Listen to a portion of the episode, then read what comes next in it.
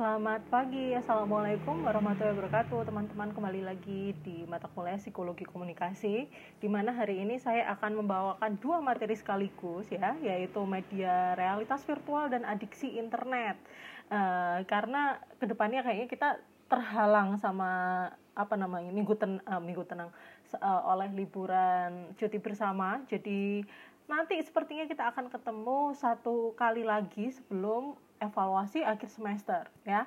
Jadi untuk menyiasati nilainya seperti apa nanti tetap akan saya berikan tugas di yang akan saya jelaskan di akhir podcast ini. Uh, minta tolong disimak dan juga pertanyaan apa yang harus dijawab supaya kalian mendapatkan absen. Oke, sekarang kita akan bahas siap uh, silakan disiapkan PowerPoint dan catatannya karena seperti biasa apa yang saya katakan kebanyakan tidak akan kalian eh, temukan di PPT yang hanya merangkum intinya saja, per poinnya saja ya.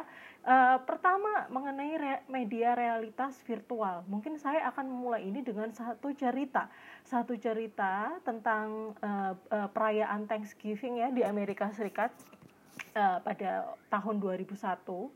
Uh, seorang ibu yang uh, hidup di Wisconsin uh, di negara bagian Wisconsin, Amerika Serikat, dia menemukan anaknya si Sean yang berusia 21 tahun uh, tergeletak berlumur darah di apartemennya karena ternyata si Sean ini menembak kepalanya dan itu dilakukan di depan komputer. Tepatnya ketika layar komputernya masih menyala dan menampakkan game yang bernama EverQuest si ibu langsung menengarai kalau uh, ini tidak lain karena uh, game tersebut yang men-trigger Sean untuk mengakhiri hidupnya sendiri. Uh, jadi menurut pengakuan sang ibu, si anak ini memang sudah kecanduan game dalam waktu yang uh, dalam periode tertentu dia sama sekali nggak bisa berdiri dari tempat duduknya hanya karena memang apa pun akan dilakukannya untuk tetap bermain uh, bermain game di depan komputernya. Uh, jadi apa namanya ini yang kalian apa namanya yang bisa kalian baca di PPT apa yang saya ceritakan mengenai Thanksgiving uh, di mana seorang pemuda membunuh dirinya karena hanya bermain game komputer ini mungkin ceritanya sedikit banyak sama ya dengan uh, apa namanya uh, sepasang sepasang suami istri dari Korea Selatan, mungkin kalian ingat yang di awal perkuliahan saya sempat ceritakan bagaimana mereka uh, bertemu melalui melalui game online, ber, mereka berkencan memutuskan menikah tapi masih tetap uh, pada kondisi mereka yang kecanduan game. Hingga mempunyai anak dan anaknya tidak terawat ditelantarkan karena orang tuanya yang masih uh, apa namanya lebih kecanduan game. Mereka lebih memilih untuk merawat bayi online, uh, bayi yang dirawat secara virtual yang di mana itu tidak nyata daripada merawat anaknya sendiri yang berujung si anaknya ini malah meninggal dunia karena kekurangan gizi dan sebagainya. Nah, apa yang terjadi uh, dalam realitas game online ini? Ini adalah salah satu contoh, salah satu bagian dari dunia virtual yang uh, diwujudkan melalui media realitas virtual atau RV. Jadi gampangannya realitas virtual ini kan seperti dunia maya, ya. Jadi uh, ini suatu teknologi yang bikin kita para penggunanya itu berinteraksi dengan lingkungan uh, yang tidak nyata dan itu disimulasikan oleh komputer. Meskipun begitu kita benar-benar punya sensasi kita uh, nyala semuanya karena kita merasa uh, kita benar-benar masuk ke dalam dunia tersebut. Uh, itu merupakan itu yang jadi uh, menjadi karakteristik dari realitas virtual atau realitas maya itu ya di mana kita berada dalam lingkungan tidak langsung dengan menggunakan media. Atau biasanya kita juga menyebut ini sebagai telepresence oke? Okay? ya, itu adalah karakteristik uh, realitas virtual atau uh, realitas maya Nah, sekarang bagaimana sih uh, realitas virtual ini tiba-tiba bisa hadir di tengah-tengah kita sekarang? Tentunya juga nggak serta-merta tiba-tiba ada ya. Ada tahap perkembangannya, mulai dari menceritakan yang pertama uh, bisa kalian lihat di slide yang ketiga. Uh, tahap perkembangan realitas virtual ini dimulai ketika manusia mulai bisa berkomunikasi secara uh, verbal. Ini adalah tahap perkembangan yang uh, bisa dikatakan yang mulai pesat. karena di sini kita uh, mulai bisa apa namanya menggunakan menggunakan simbol-simbol atau uh, bahasa-bahasa kita masing-masing ya gimana nenek moyang kita itu berkumpul di dulu uh, di di dalam gua di tepi sungai di lapangan terbuka untuk uh, sekedar saling bercerita jadi ibaratnya bercerita itu uh, merupakan medium virtual yang paling awal ketika itu. Lalu lanjut lagi uh, itu apa namanya perkembangannya uh, pada tahap melukiskan. Setelah menceritakan kita para manusia kita punya uh, punya kemampuan untuk menggambar menggambar. Dan ini juga perkembangannya mulai sudah sejak zaman purba ya di mana banyak sekali lukisan-lukisan yang kita temukan pada medium kayu, batu, pualam itu kan uh, menjadi ini ya menjadi temuan-temuan penting di abad ini yang membuktikan kalau di zaman dahulu itu orang-orang sudah punya kemampuan untuk berusaha melukiskan apa yang mau mereka katakan uh, pada medium-medium uh, seadanya yang mereka gunakan waktu itu. Jadi gambar uh, menjadi medium virtual yang kedua setelah bercerita. Dan yang ketiga perkembangannya ada dalam fase mempertontonkan. Kalau mempertontonkan ini berarti kita uh, ibaratnya melihat dari sebuah gambar yang diam menuju sebuah gambar yang bergerak alias uh, film ya. Kalau uh, pada kenyataannya film sekarang itu kan perkembangannya sudah sangat uh, dinamis ya. Uh, dan dari dulu bahkan ternyata film ini sudah digunakan bagi manusia untuk apa untuk mengantarkan berbagai informasi, ilusi uh, ke dalam ruang-ruang privat kita.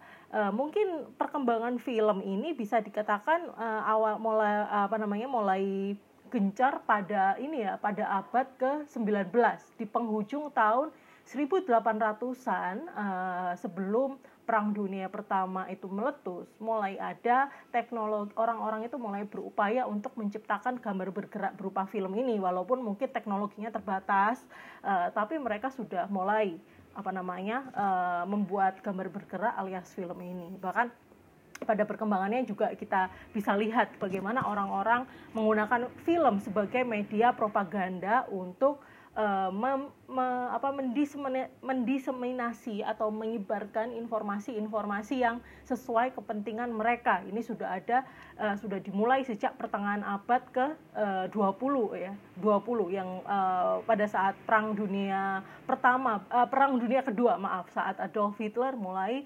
menggencarkan isu-isu antisemitisme apa namanya bagaimana kita harus membenci para uh, orang yang beragama Yahudi atau Jewish waktu itu di uh, ternyata Adolf Hitler salah satunya menggunakan medium film juga dan itu juga digunakan oleh pemimpin-pemimpin diktator lainnya ya seperti Joseph Stalin uh, yang dari Rusia dan lain juga. Jadi uh, perkembangan mempertontonkan ini juga belum berakhir karena sekarang uh, mulai ak akhir pada abad ke-20 kita mulai menciptakan teknologi yang bernama komputer. Dan ini ternyata merubah segalanya.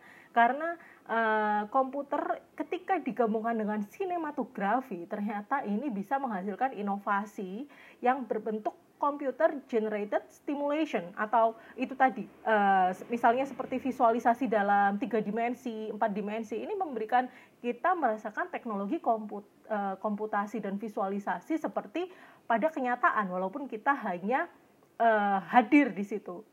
Apa namanya uh, teknologinya hanya hadir ke ke ke depan kita. Bukan berarti kita memang merasakan direct apa namanya direct uh, first hand first, first hand experience atau pengalaman langsung. Ternyata itu enggak juga seperti itu ya uh, itu adalah menghadirkan ya bagaimana sekarang kita sangat bisa menikmati berbagai fitur platform yang uh, yang membuat kita merasakan pengalaman yang sesungguhnya. Misalnya seperti game online itu tadi atau seperti media sosial media sosial yang menghadirkan banyak sekali informasi uh, dan itu cukup dalam sebuah genggaman ya bagaimana kita menggenggam informasi tersebut dan mendapatkan berita dari bagian dunia yang lain. Nah uh, setelah perkembangan realitas virtual sekarang kita akan uh, apa namanya uh, kita akan diskusi mengenai uh, pilar komunikasi realitas virtual. Ini uh, adalah dasar sebelum kita ngomong mengenai fit, motif psikologi kita untuk mengakses uh, realitas virtual, media-media realitas virtual. Nanti kita akan bahas motifnya, tapi sebelum itu kita harus tahu dasarnya. Dan dasarnya uh, komunikasi uh, realitas virtual ini punya empat pilar yang harus kita mengerti, yang harus kita pahami. Ya, yang pertama adalah dunia virtual sebagai pesan. Dan pesan ini akan diwujudkan dalam realitas kita, realitas kita masing-masing dan itu ternyata bisa kita uh, apa ya, bisa kita absorb atau bisa kita pahami lagi apakah itu uh, sebuah realitas objektif, apakah itu sebuah realitas subjektif? Apakah itu suatu realitas yang dikonstruksikan? Dan apakah itu memang benar-benar realitas virtual. Jadi uh, sebelum kita yakin itu adalah benar-benar realitas maya atau realitas virtual, ternyata ada bentuk realitas lain yang itu dipersepsikan oleh uh, pikiran kita masing-masing. Oke, okay? uh, sekarang yang pertama realitas objektif. Jadi uh, dalam pilar pertama kita harus mengerti yang pertama ini adalah uh, apa namanya? Kita harus mengerti realitas objektif terlebih dahulu uh, realitas objektif ini adalah bagaimana apa yang dapat kita uh, yang di yang diserap oleh indera kita, apa yang bisa kita lihat, kita dengar, kita cium, kita sentuh, kita kecap, itu mem, e, mewujudkan suatu realitas tunggal yang di mana akan disepakati oleh semua orang. Jadi semua orang yang menyaksikan akan uh, dia mengalami realitas yang sama. Mereka akan sepakat bahwa misalnya apa yang saya pegang sekarang adalah buku, uh, atau misalnya apa yang saya uh, media yang uh, misalnya media untuk kita belajar di podcast mungkin kebanyakan kalian menggunakan HP atau laptop. Jadi ketika saya memegang suatu benda atau memegang suatu objek dan ketika saya mengatakan itu adalah buku tadi ya misalnya kalian akan menyetujui ya karena memang itu adalah sebuah buku di mana kita akan menyepakati hal itu merupakan sebuah benda atau objek yang sama itu merupakan realitas objektif di mana ada persetujuan ya dari uh, banyak dari orang-orang dari eh, manusia-manusia bahwa uh, itu memang merupakan suatu benda yang sama Nah, lalu yang kedua adalah realitas subjektif. Realitas subjektif ini bagaimana kemampuan indera kita ternyata ditentukan oleh faktor-faktor yang apa? Faktor-faktor yang mendistorsi realitas kita. Misalnya itu seperti faktor biologis, faktor psikologi sosial, kultural, situasional, bagaimana kita besar di suatu tempat, bagaimana kita dibesarkan, itu akan menentukan realitas subjektif kita, realitas kita dalam suatu objek. Misalnya, di uh, ada suatu suku di Indonesia di mana mereka tidak bisa membedakan warna hijau dan biru. Lalu mungkin kita besar dengan terbiasa membedakan kedua warna tersebut. Akhirnya ketika kita bertemu mungkin kita berinteraksi dengan salah satu orang dari suku tersebut, kita akan langsung me, uh, apa namanya? Lalu misalnya kita ngobrol gitu, uh, tolong saya ambilkan pulpen yang berwarna biru tapi ternyata teman anda yang berasal dari suatu suku tersebut dia merasa kebingungan dan yang diambil adalah warna hijau nah ini adalah bagaimana uh, faktor biologi psikologi sosial kultural situasional itu menentukan pandangan subjektif kita terhadap suatu benda atau objek ya ini yang kita sebut sebagai realitas subjektif lalu yang ketiga adalah realitas yang dikonstruksikan ini merupakan uh, suatu realitas atau suatu kenyataan yang kita paksakan. Jadi kita akan memaksakan fakta agar sesuai dengan definisi realitas kita. Atau ini uh, agak mirip sama yang namanya delusi ya. Delusi itu adalah sebuah kenyataan atau uh, hampir pada sebuah faham yang kita uh, yakini itu adalah benar padahal belum tentu. Dan kita benar-benar tertutup terhadap segala masukan karena kita benar-benar menganggap suatu realitas tunggal yang hidup. Hanya seperti itu. Uh, dan uh, misalnya kalau untuk bicara realitas yang dikonstruksikan bagaimana kalau uh, kita bicara mengenai bentuk bumi misalnya. Bentuk bumi kan ada orang-orang yang percaya bahwa bumi itu bentuknya oval jadi bukan bulat. Ada juga yang percaya bumi itu bentuknya datar. Dan mereka benar-benar menganggap uh, suatu pandangan tersebut adalah uh, apa namanya suatu suatu pandangannya mengenai bentuk bumi itu adalah sebuah realitas tunggal. Karena dia percaya berdasarkan apa yang sudah uh, apa yang bisa jadi dia tumbuh besar di lingkungan yang meyakini bumi itu datar. Dan itu ditambah dengan apa namanya ditambah dengan uh, bagaimana orang lain juga di sekelilingnya dia uh, lingkungannya mencitrakan sebuah bumi itu juga datar uh, itu itu menjadi apa namanya uh, kita menjadi tertutup dengan versi-versi lain karena kita benar-benar meyakini dan kita tidak bisa menerima yang lain. Uh, realitas yang dikonstruksikan itu makanya realitas yang dikonstruksikan itu kadang-kadang juga tergantung dengan pemegang hegemoni kekuasaan atau hegemoni makna suatu uh, oleh kebanyakan orang. Misalnya uh, itu tadi karena di Indonesia sekarang uh, lumayan muncul muncul banyak sekali komunitas komunitas Islam radikal. Dan itu mungkin menjadikan orang-orang yang percaya bentuk bumi itu datar itu apa namanya uh, menjadi menjadi semakin banyak dan mereka semakin semakin berani untuk menyatakan pendapat mereka itu di muka publik. Yang mungkin sebelumnya kalau kita tengok 10 tahun yang lalu itu belum kejadian. Karena apa? Karena komunitas orang-orang radikal yang tidak menganggap uh, yang menganggap bumi itu datar mereka masih hanya sangat sedikit. Dan pastinya mereka akan takut kalau akan me, mengemukakan pendapatnya karena itu tadi. Karena mereka belum merasa banyak peersnya ya apa namanya peer peer groupnya atau uh, circle-nya itu belum banyak tapi sekarang karena semakin banyak mereka jadi semakin berani begitu juga misalnya kalau kita runut ke sejarah, kita punya yang namanya peristiwa G30 ya. E, kenapa itu banyak sekali versi. Jadi e, kalau yang dicitrakan oleh pemerintah kita kan dari dulu tampaknya apa apa namanya? Diceritakan adalah itu penghian bentuk pengkhianatan rezim dan uh, juga dieksekusi oleh suatu partai komunis yang namanya Partai Komunis Indonesia yang akhirnya uh, eh, PKI di sana bisa menjadi semacam kambing hitam yang dipersalahkan atas semua kejadian tersebut. Tapi semakin teknologi sekarang sudah berkembang, semakin banyak dikeluarkannya bukti-bukti yang membuktikan uh, yang yang menyatakan kalau ternyata itu hanya sebuah uh, uh, agenda yang disetting oleh pemerintahan yang uh, oleh pihak-pihak yang ingin menggulingkan pemerintahan Soekarno waktu itu. Jadi banyak sekali versi. Ini tergantung kita mau uh, ini tergantung pilihan kita, tergantung kita uh, pada tergantung pada siapa yang mengkonstruksi kita. Uh, itu tadi ya kalau ngomong mengenai realitas yang dikonstruksikan. Kadang-kadang ini sangat berhubungan dengan yang uh, menjadi pemegang kekuasaan atau hegemoni. Hegemoni makna. Oke, yang terakhir adalah realitas virtual. Nah, kalau realitas virtual ini ternyata dia menghadirkan realitas yang bersumber, yang sumbernya itu pada realitas objektif, realitas subjektif, dan juga realitas konstruktif. Jadi dia bisa menampilkan apa saja yang terbayang dalam imajinasi kita sendiri ya ini adalah realitas virtual. Karena kan apa? Ini tergantung, tergantung. Misalnya kita nonton di YouTube mengenai uh, sejarah G30S tadi, berarti apa? Berarti kita di situ bisa jadi melihat sebuah realitas yang dikonstruksikan.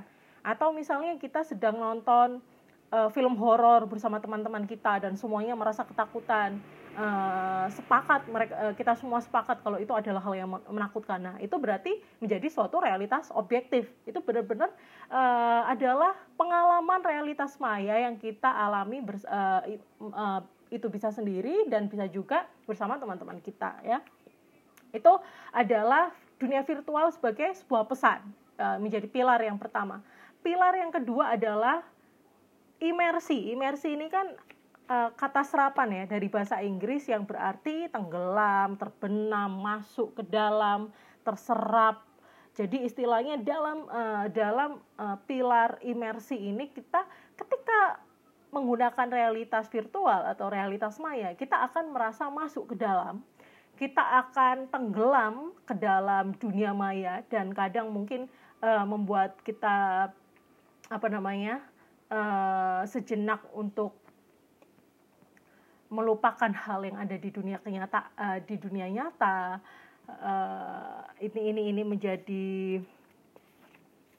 suatu hal yang banyak juga ya yang kita yang kita alami bisa sendiri bisa juga sama teman-teman kita. Misalnya tadi itu kalau contohnya kita nonton horor bersama teman-teman kita rame-rame lalu uh, kita bisa aja mengalami yang namanya imersi mental di mana kita tenggelam di dalamnya uh, dengan teknologi sebagai penunjang um, dan kita seakan-akan akan berada dalam situasi yang sebenarnya. Ini ini menjadi namanya imersi ya, ya imersi bisa juga kita artikan sebagai imersi mental. Ya seperti tadi di mana keadaan mental kita terlibat dan e, bahkan kita bisa sampai merespon dengan menangis dengan mengeluarkan ekspresi yang e, cenderung e, e, apa namanya frontal. Ada juga e,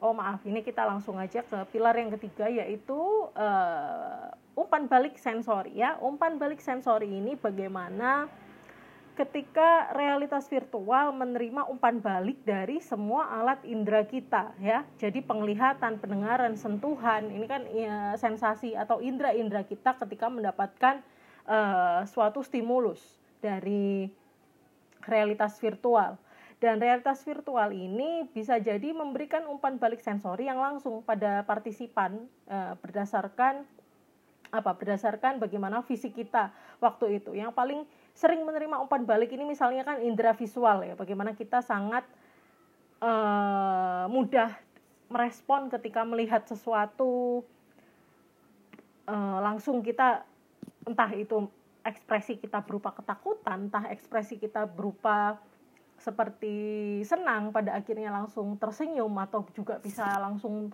uh, apa namanya ter langsung sedih ya semacam sedih gitu apa sih hmm, itu itu itu yang dimaksud dari umpan balik sensori bagaimana uh, semua sensor dalam indera kita mereka bekerja untuk memberikan feedback atau umpan balik ya di saat mendapatkan stimulus uh, dari realitas maya itu sendiri. Lalu ini juga terkait dengan pilar yang keempat akhirnya adalah interaktivitas. Interaktivitas ini bagaimana kita apa ya uh, kemampuan menghubungi atau menyapa orang lain dan mendapatkan respon dari orang itu. Itu kan bisa jadi ketika kita mendapatkan interaksi dua arah ketika kita mengakses realitas virtual ya misalnya seperti kita ngom, uh, memberikan komen pada teman kita di WhatsApp Story atau di IG Story bagaimana dia juga memberikan feedback sesimpel itu dalam realitas virtual terjadi interaksi ya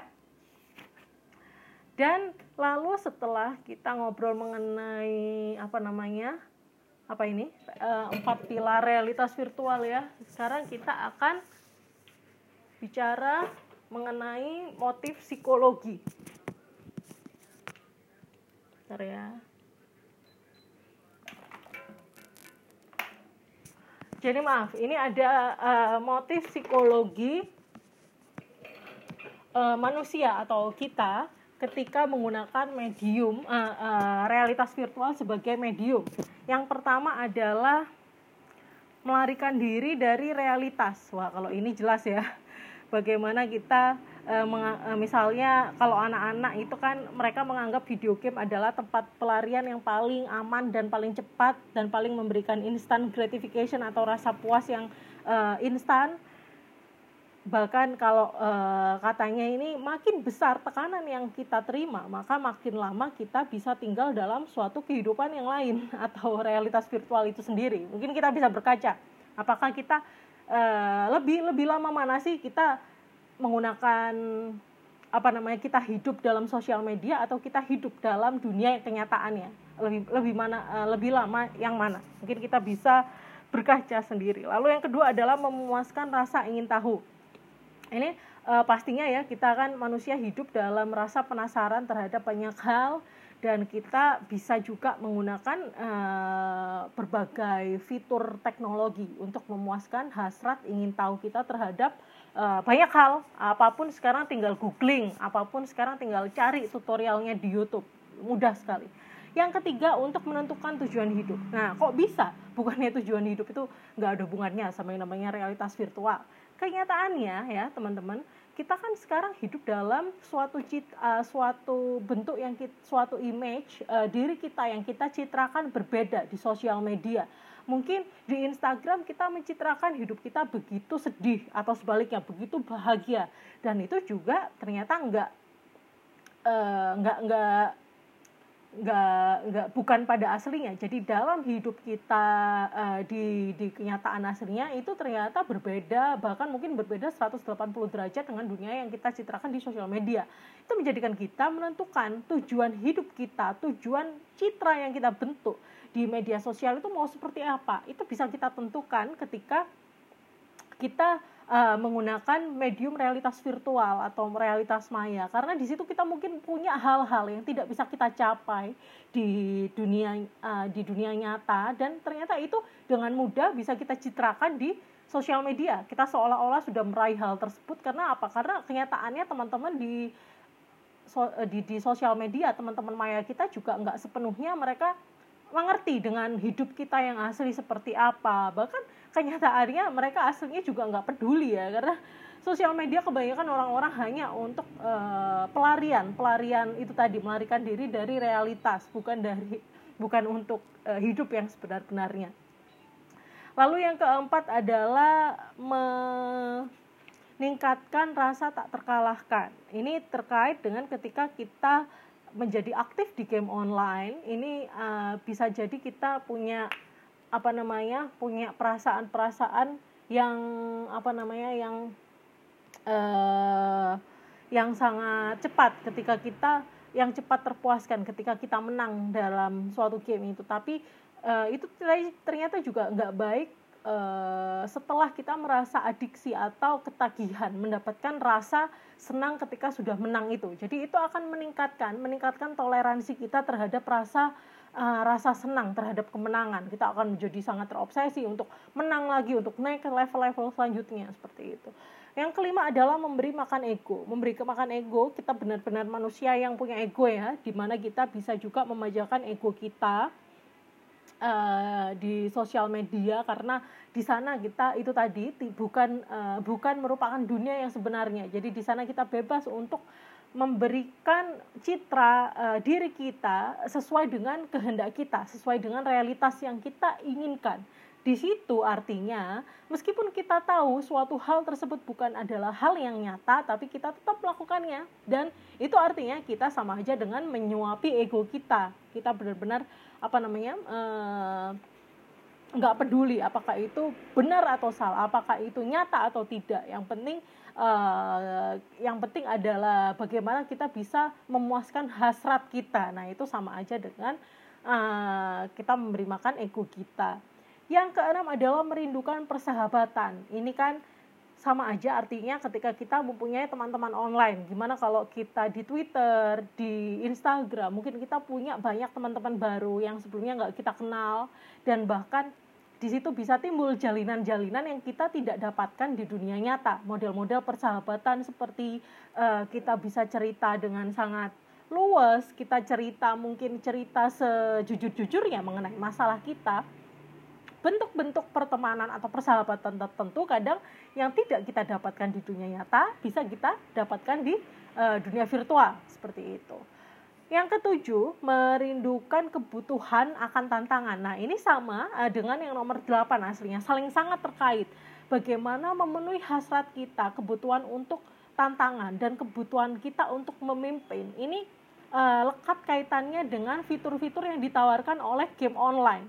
Meskipun pada kenyataannya di dunia nyata mungkin kita nggak punya skill untuk memimpin uh, yang bagus tapi di game online dengan mudah kita bisa memimpin suatu tim untuk misalnya uh, melakukan uh, permainan apa permainan perang permainan yang uh, butuh so sosok seorang pemimpin sangat mudah. Karena apa? Karena itu bukan hal yang nyata. Kalau dalam kenyataannya di, di dunia nyata yang namanya kepemimpinan leadership jelas itu menjadi hal yang kompleks karena kita memimpin uh, di di uh, orang per orang kita memimpin kepribadian yang berbeda.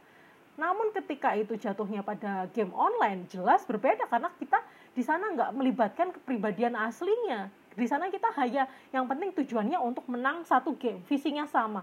Uh, itu jadi akan uh, akhirnya uh, memenuhi kebutuhan atau hasrat kita untuk memimpin. Ini ini pernah ada penelitian sampai di mana para laki-laki ada sekelompok laki-laki yang mereka ter, uh, sangat ketagihan game online. Di sana mereka mengatakan pada istrinya kalau ternyata istrinya itu tidak bisa menyaingi kebutuhan suaminya untuk menggapai kekuasaan dan kepemimpinan. Jadi sebegitunya. Karena yang namanya mungkin ya sekelompok laki-laki ini mereka punya ego yang sangat tinggi dalam hal e, berkuasa. Dan karena itu nggak bisa diwujudkan dalam ke dunia nyata akhirnya mereka melampiaskannya dalam e, dunia game ya seperti itu. Ini sangat e, miris ini seperti itu. Lalu yang kesembilan adalah melampiaskan fantasi seksual. Kalau ini pasti semuanya juga sudah paham ya bagaimana Eh, fitur-fitur uh, game online atau sosial media itu banyak sekali menawarkan kombinasi seks yang namanya dengan pornografi dan sebagainya dan itu uh, hanya memang diketahui oleh orang-orang yang freak ya dengan dunia-dunia ter, uh, dunia-dunia tersebut karena dibutuhkan apa kode-kode atau dibutuhkan pengetahuan yang detail untuk mengakses fitur-fitur seperti ini.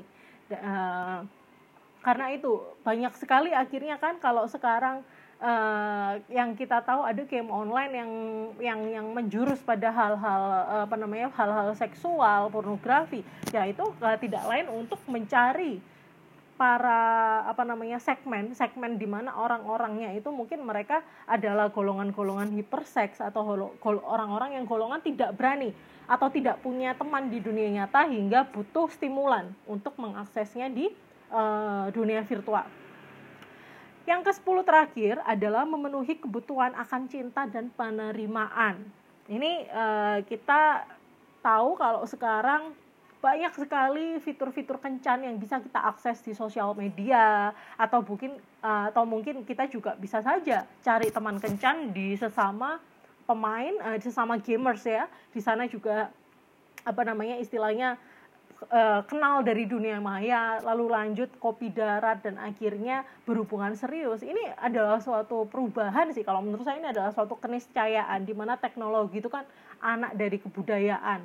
Jadi mereka uh, untuk perubahan-perubahan seperti ini, bagaimana kita bisa mendapatkan teman kencan, kita bisa mendapatkan sebuah hubungan yang serius bahkan dari sosial media itu itu bisa jadi dan itu memang adalah apa itu tadi adalah hal yang nggak bisa dihindari uh, di dunia teknologi seperti sekarang ini seperti itu. Oke, sekarang kita akan uh, itu tadi untuk realitas maya ya, uh, realitas virtual. Sekarang kita akan menuju pada pembahasan adiksi internet. Yang namanya terminologi adiksi internet itu kan banyak sekali ternyata para akademisi dari entah itu dari sisi psikolog atau psikiater yang mereka uh, masih pro dan kontra. Sebelum saya jelaskan lebih lanjut, mungkin di sini saya perlu menekankan pada kalian perbedaan dari psikolog dan psikiater ya. Mungkin kalian ada yang belum uh, belum paham. Yang namanya psikolog itu adalah profesi di mana mereka mendapatkan uh, legalitas psikolog untuk menjadi psikolog dan bisa menerima konsultasi dari orang-orang awam ketika mereka sudah menyelesaikan pendidikan S1 psikologi dan uh, profesi psikolog. Jadi pendidikan yang ditempuh adalah uh, pendidikan jurusan psikologi di kampus-kampus dan juga profesi, pendidikan profesi yang biasanya berlangsung selama 1 sampai 2 tahun.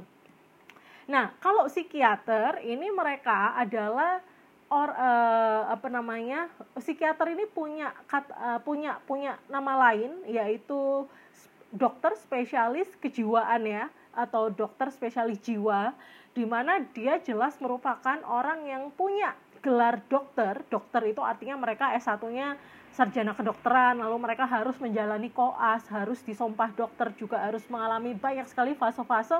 Dan setelah lulus dari dokter mereka harus mengambil kuliah lagi spesialis. Spesialis kejiwaan kalau di Surabaya namanya uh, program pendidikan spesialis atau PPDS jurusan uh, kejiwaan atau uh, jiwa uh, yang mereka tempuh selama kurang lebih 4 sampai 5 tahun dan ketika mereka lulus mereka menjadi dokter spesialis jiwa atau yang biasa kita sebut sebagai psikiater di mana psikiater ini mereka punya otoritas lebih untuk memberikan obat pada pasien. Nah, itu bedanya psikolog dengan psikiater. Di mana psikiater mereka hanya sebatas uh, memberikan jasa konsultasi atau mungkin seperti psikoterapi juga bisa uh, beberapa dari mereka uh, juga memberikan apa namanya beberapa dari mereka itu memberikan yang sudah belajar mengenai terapi. Mereka akan memberikan terapi. Benar sebenarnya saya lanjutkan lagi nanti ya